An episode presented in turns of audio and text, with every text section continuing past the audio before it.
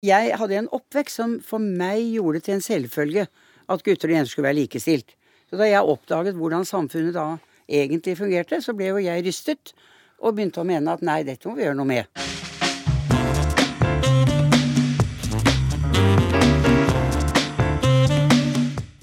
Hun var den første statsminister vi var på fornavn med.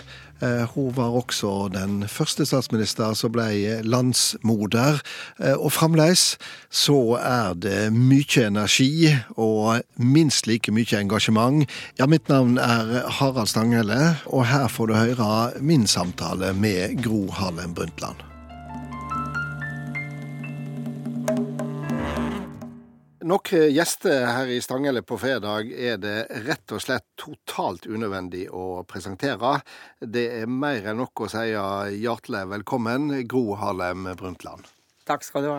Jeg har lurt litt på hvordan jeg skal tiltale deg, fordi at du var jo den første fornavnspolitiker, altså en politiker som alle var på fornavn med. Og det var jo helt eksepsjonelt å, å, å, kalle deg bare for Gro i offentligheten den gangen. Ja, jeg tror at eh, Altså, jeg var på en måte naturlig. Jeg hadde ikke noen veldig Var ikke noe opptatt av det formelle sånn sett.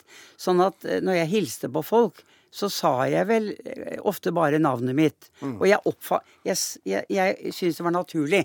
Så jeg reagerte ikke negativt på dette bruken av det ene navnet. Var, men jeg var jente, vet du. Ja, Tror du det hadde viss betydning? Jeg tror det hadde en viss betydning. At det, vært, det var lettere for folk å forholde seg til. Mm. Et kvinnenavn. Et enkelt kvinnenavn. Mm. Det var litt verre senere, da de skulle lansere Kåre. Ja. ja. og det med Gro og Kåre, det kom jo først lenge etterpå, egentlig. Det var i historiens lys. Etter 80-tallet begynte man å se tilbake på Gro og Kåre-debattene. Ja. ja. Og da kom det. ja. Men, men eh, det var jo også utenkelig, dette med å bruke det i avissammenheng og i offentlig sammenheng. Og der, der var jo, også der var jo du en pioner. Ja, altså det skjedde bare. Mm. ja. Det betyr at jeg kan kalle deg Gro? Ja, det gjør det. eh, altså Både med dine rundt eh, ti statsministerår og, og eh, tida etterpå som verdens helseminister, så kunne det jo være naturlig å snakke med deg om, om å kaste blikket bakover. Men det skal vi ikke gjøre, for du er sjøl framtidsretta når du mot slutten av fjoråret rett og slett både i foredrag og i andre sammenhenger erklærer din bekymring for demokratiet? Ja, eh, og det er klart at eh, som mange andre har jeg også reagert sterkt på og tenkt mye på hva er det som har skjedd. Og som på en måte utløses veldig kraftig av brexit og valget av Trump.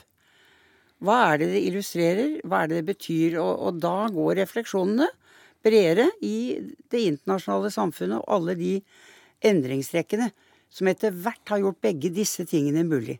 De to sjokkene som mange av oss har fått. Mm. Men hva er din analyse av det? Ja, det er jo eh, Hvis vi tenker Det at du får større ulikheter, det har bekymret meg lenge. Det har jeg sett eh, i det internasjonale lenge. At det eh, Og du kan si vi har vært mer beskyttet mot det enn andre deler av verden, og særlig Norge. Men hvis du ser USA, som preger så mye av tenkning, og det, det som kommer derfra, det spres. Mm. Og, og, Storbritannia, du, du, kan bruke mange eksempler.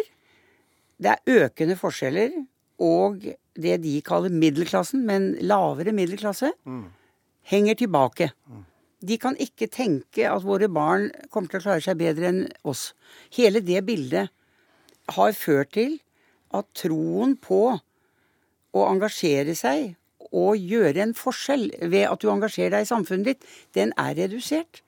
Det er for mange som ikke føler at de blir sett. Men er det ikke et interessant paradoks at nettopp en milliardær uten politisk erfaring som Donald Trump er den som fanger opp uroen og på en måte sier at det er jeg som snakker for den lille mannen? Jo, det er et paradoks. Men det er jo samtidig slik at, at han er frekk.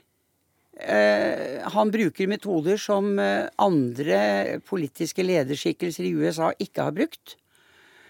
Og dermed så tror folk at dette er noe nytt. Mm. Og, og, og, hvis de ikke tror på det de har vært vant til, og noen snakker annerledes eh, Høres ut som han er i et privat rom og ikke tar noe særlig hensyn, verken til høyre eller venstre, så kan, så er det noen som da har trodd her er det noe nytt. Mm. Og her skal vi ordne Washington og alt det han prøvde å si. Ja. ja. Du, du eh, har jo en lang bakgrunn fra USA. Du var jo utdanna eh, også i, i, USA som, som eh, lege. Kunne du i din villeste fantasi forestilt deg at en, at, at en person som Donald Trump skulle innta det ovale kontoret i Det hvite hus? Nei, og jeg var like dum som mange andre observatører.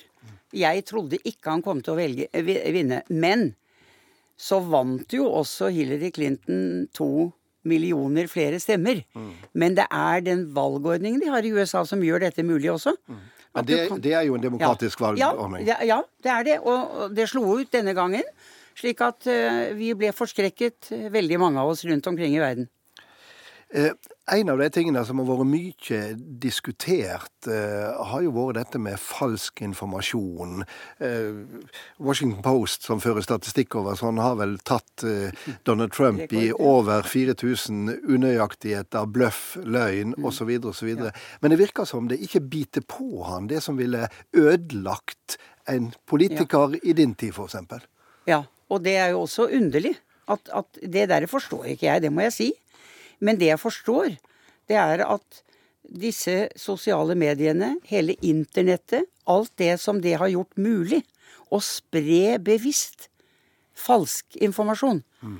det er noe vi ikke som samfunn kan sitte lenger og se på. Vi er nødt til å få til både internasjonale og mer nasjonale reguleringer av dette.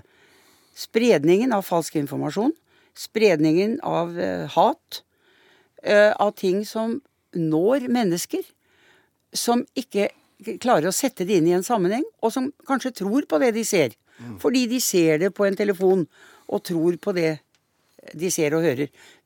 Dette går ikke lenger. Og nå ser jeg at til og med Zuckerberg har nå sagt vi må ha nasjonale reguleringer. Mm. Han, ikke, han ser at Facebook klarer ikke den graden av oversikt og regulering. Altså, redaktøransvaret finnes jo ikke. Altså, det er jo faktisk mulig å se på de sosiale mediene på sitt verste som eh, demokratiets eh, trojanske hest. Ja, det gjør det. Og det er det. Og jeg, og jeg har vært naiv, sikkert som mange andre. I mange år, de siste ti årene, så har jeg gledet meg over den teknologiske utviklingen. Det som det har gjort mulig at folk kan bli, i, få informasjon over hele verden ut i den fattigste nei, altså afrikanske landsbyen. Du kan nå dem med helseinformasjon. Men det er misbruket av all denne fantastiske framgangen som er blitt mer og mer dominerende, og som gjør at jeg er engstelig. Ja, Nå må jeg ærlig tilstå at du overrasker meg, Gro, for jeg hadde aldri trodd jeg skulle få høre at du karakteriserte deg sjøl som naiv. jo, jo.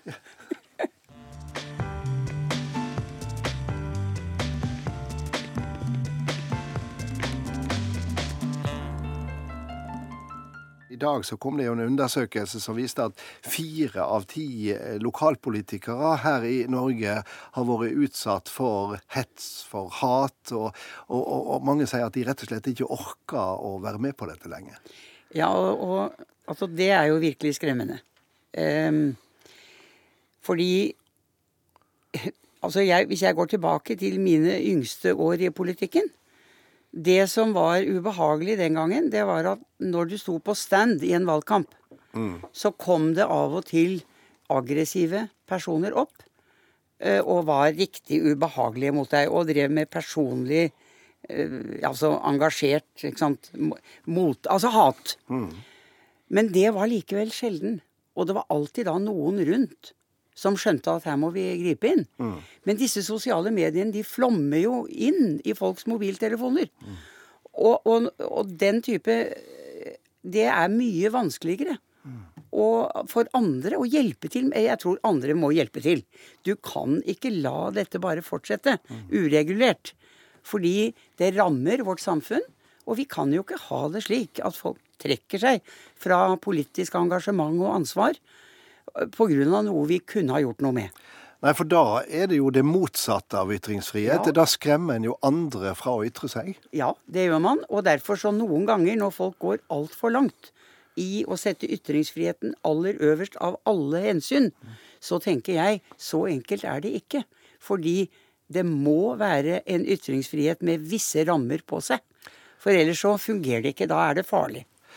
Du har jo en del erfaring med, med, med dette, for da du kom inn eh, som eh, ung kvinnelig toppolitiker, så opplevde jo du også å, å bli kalt for kjeftesmeller fra Bygdøy, og 'bli kvitt av' var vel et, et Ja. slagord. Ja. Eh, Var, var det tøft?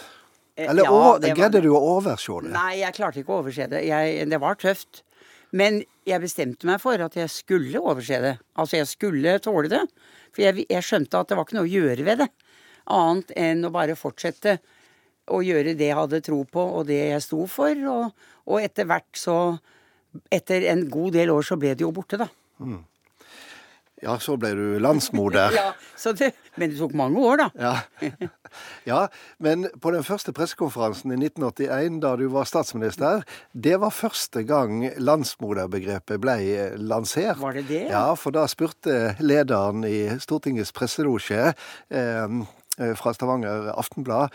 Hun spurte eh, med henvisning til Einar Gerhardsen som landsfader om du kunne tenke deg å bli kalt for landsmoder.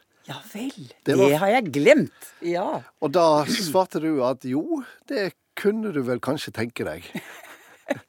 ja, det var ikke verst. Og slik gikk det jo til slutt, da, men ikke i 1981. Nei.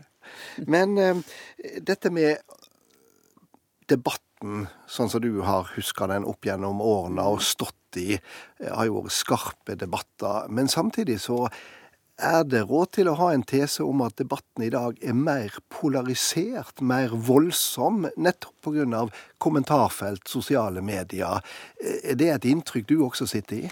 Vet du at jeg, jeg har følelsen av at eh, på 70- og 80-tallet så var det skarpere politiske motsetninger, reelt sett. Da jeg hadde min store strid bl.a. med Kåre Willoch om frykten for et todelt helsevesen, da var det sterke synspunkter som skilte Høyre og Arbeiderpartiet på det planet der. Så du kan si debattene på 80-tallet var ganske kraftig. For det var større avstand mellom Høyre og Arbeiderpartiet på en rekke områder. Så hvis du hopper 20 år, så er det litt mer sannhet i det som Einar Førde en gang sa, og som jeg var så irritert på. Vi er alle sosialdemokrater. Så tenkte jeg nei, det er vi ikke. Tenk deg den kampen vi står i. Men det er jo blitt slik nå at når Høyre etter hvert har klart å ha flertall i mange år, uh, altså klart å samle regjeringsbakgrunn, så er det jo fordi de har sagt vi er for velferdsstaten.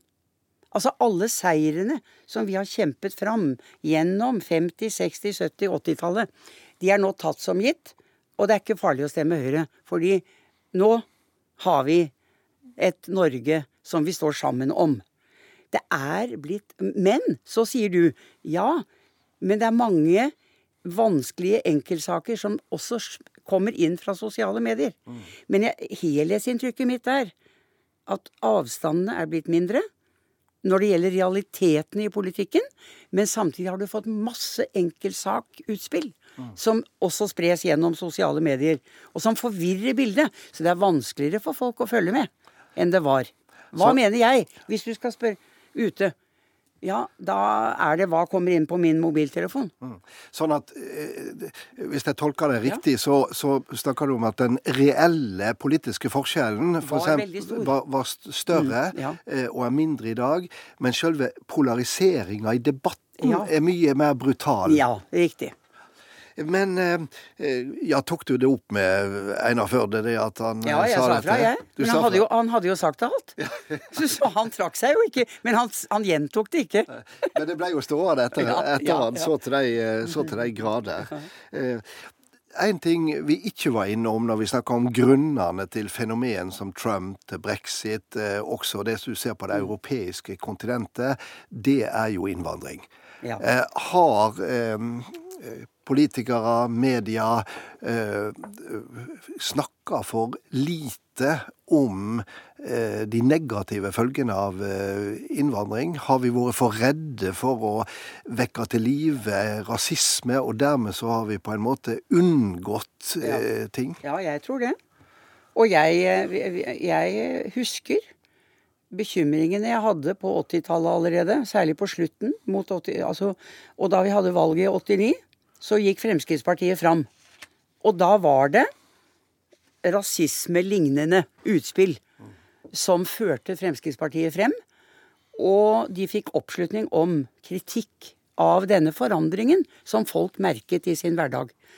Men derfor fikk vi mer av en seriøs debatt omkring dette på 90-tallet. Fordi vi fikk valget i 89 som lærte oss noe.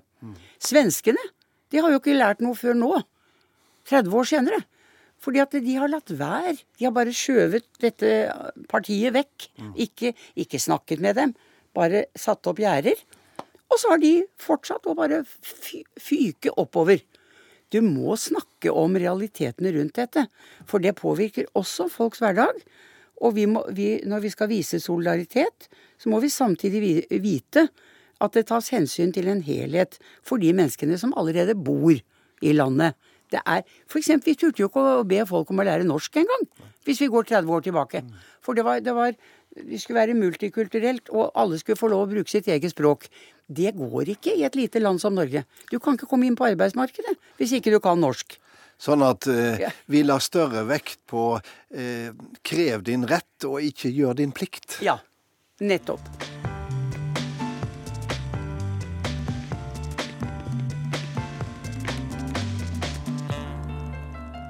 Var det ikke sånn at da du kom med den kvinneregjeringa di i 1986, så ble det satt opp et monument av alle plasser i Japan? Ja, ja det, var, ja, det, det var Disse kvinnene har beveget verden, var det en eldre, rik japaner. Han ble veldig opptatt av det. Det spredde nyhetene gikk jo over hele verden. Mm. Han tok tak i det, og han bestemte at han skal sette opp et monument.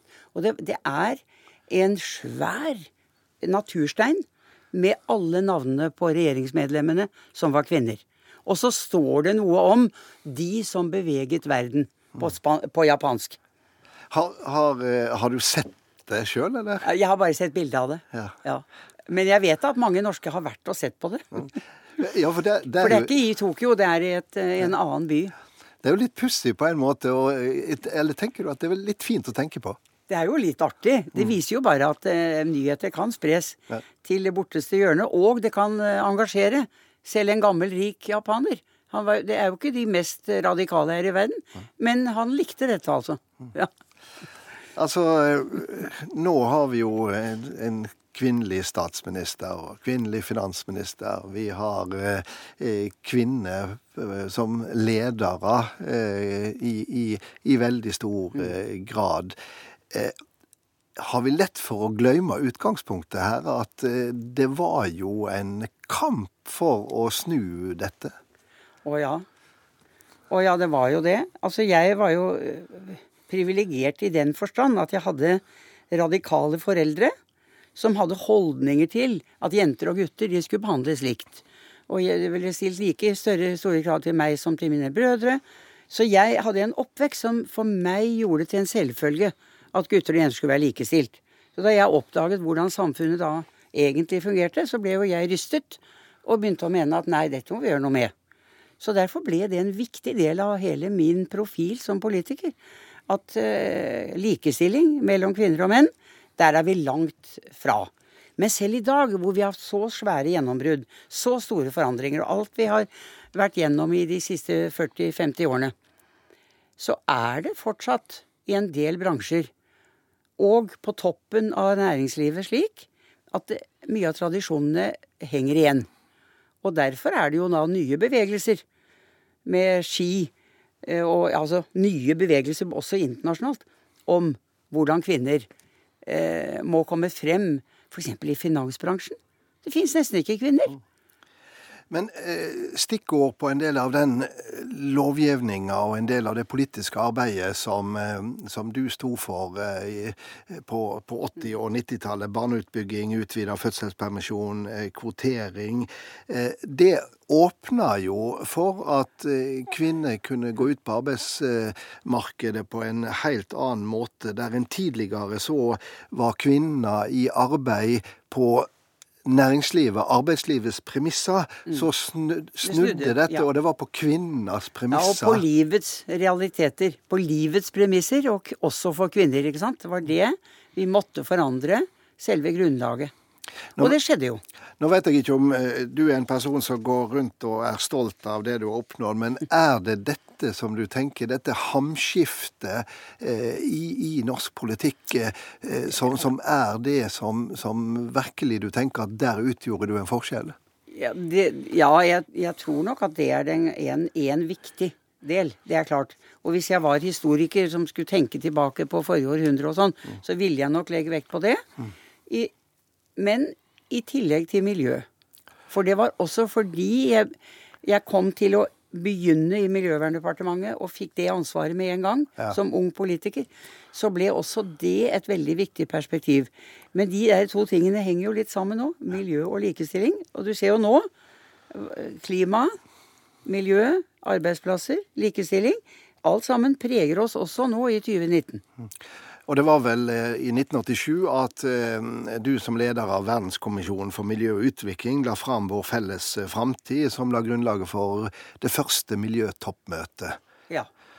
Og, miljø, altså, og hele begrepet bærekraftig utvikling. Men en burde gjort mer? Ja, ja. Absolutt. Så det er godt for seint. Det er godt for, for, for sakte. Men når du nå har Parisavtalen og nå glemmer jeg et øyeblikk at Trump har trukket seg ut av den. For det der tror jeg kommer til å bli reparert. Parisavtalen viser at verden var klar i 15 til å skjønne vi må stå sammen om å løse klimakrisen. Det skjønner verden fortsatt. Selv om du har en Trump i USA. Det kommer til å rette seg opp. Så der er du framtidsoptimist. ja, det er det. um, påskeaften, da fyller du faktisk 80 år. Ja, det er utrolig. ja, ja, ja. Men jeg har hatt et par bursdager i mitt liv som har vært på påskeaften. Og påskeaften, den passer ikke til å feire bursdager. Så jeg sier påskeaften er påskeaften. Vi feirer den én lørdag senere. Så der er den pragmatikeren ja. som, eh, som, slår til. Ja. Men, men, eh, reflekterer du over disse, disse 80 åra? Er, er, det annet å bli 80 eller 79? Eh, altså, jeg husker da jeg ble 70. Og det var mye styr rundt det. Og det var også, som regel har jo jeg Arbeiderpartiets landsmøte samtidig som jeg har bursdag. Mm. Så da ble det markering der, og markering i NRK, og overalt. Da tenkte jeg etter det Dette skal jeg ikke ha en gang til. Mm. Og, og, det har jeg nesten klart å unngå nå. Mm. Men igjen er det Arbeiderpartiets landsmøte. Mm. Og igjen er det slik at Jens og jeg i morgen er på Arbeiderpartiets landsmøte. 60 og 80 år gamle. Og det kommer til å bli nevnt. Og så kan jo dette Så det, vi kommer ikke helt unna, selv om vi blir 80. Og så kan det jo være at dette er en sånn ørliten feiring i NRK også, da. Med dette ja, programmet. Ja, det blir jo det, skjønner du. Ja, ja. faktisk. Men, men, eh, reflekterer du rundt det å bli 80? Eh, ja, altså, det man merker er jo Jeg tenker det er klart at det er litt forskjell på meg som 70-åring og 80-åring. Men forskjellen er ikke stor. Jeg er fortsatt eh, aktiv, jeg er fortsatt engasjert. Jeg reiser, jeg jobber med internasjonale spørsmål. Så foreløpig så har ikke alderen satt veldig sterkt preg på meg. Og det er jeg glad for. Nei, jeg ser det, og merker jo det på engasjementet. For du er aktiv i en veldig spesiell gruppe eh, som opererer internasjonalt, som heter The Elders. Ja. Og vi har vårt ja, eh, våre kontorer, da, og sekretariat i London. Og vi, Først så var det var Nelson Mandela som tok initiativet. Kalte sammen tolv personer som han hadde tillit til, som hadde vært ledere rundt omkring i verden, og ba oss om å gjøre hva vi kunne for å overkomme konflikt og bygge fred og menneskerettigheter. Mm. Og all, det var jo ingen av de som ble spurt av ham som turte å si nei. Eller kunne, kunne si nei. Så vi samlet oss, og le, ble ledet av Desmond Tutu. Og så, seks år etter, så ble det Kofi Annan. Og så var jeg hans nestleder. Han døde jo i fjor, Ja. dessverre. Og nå er det Mary Robinson. Jeg har vært med og pe... Jeg sa jeg er like gammel som Kofi, nesten. Ni måneder yngre. Nå er det de som er litt yngre, som skal overta. Så jeg er med, men Mary Robinson er blitt valgt som leder. Og hun er irsk og tidligere irsk president. Ja. Eh, Er dette et slags moralsk korrektiv? Politisk moralsk Ja, korrektiv? Ja, det, det tror jeg man godt kan kalle det. Fordi eh, vi er uavhengige.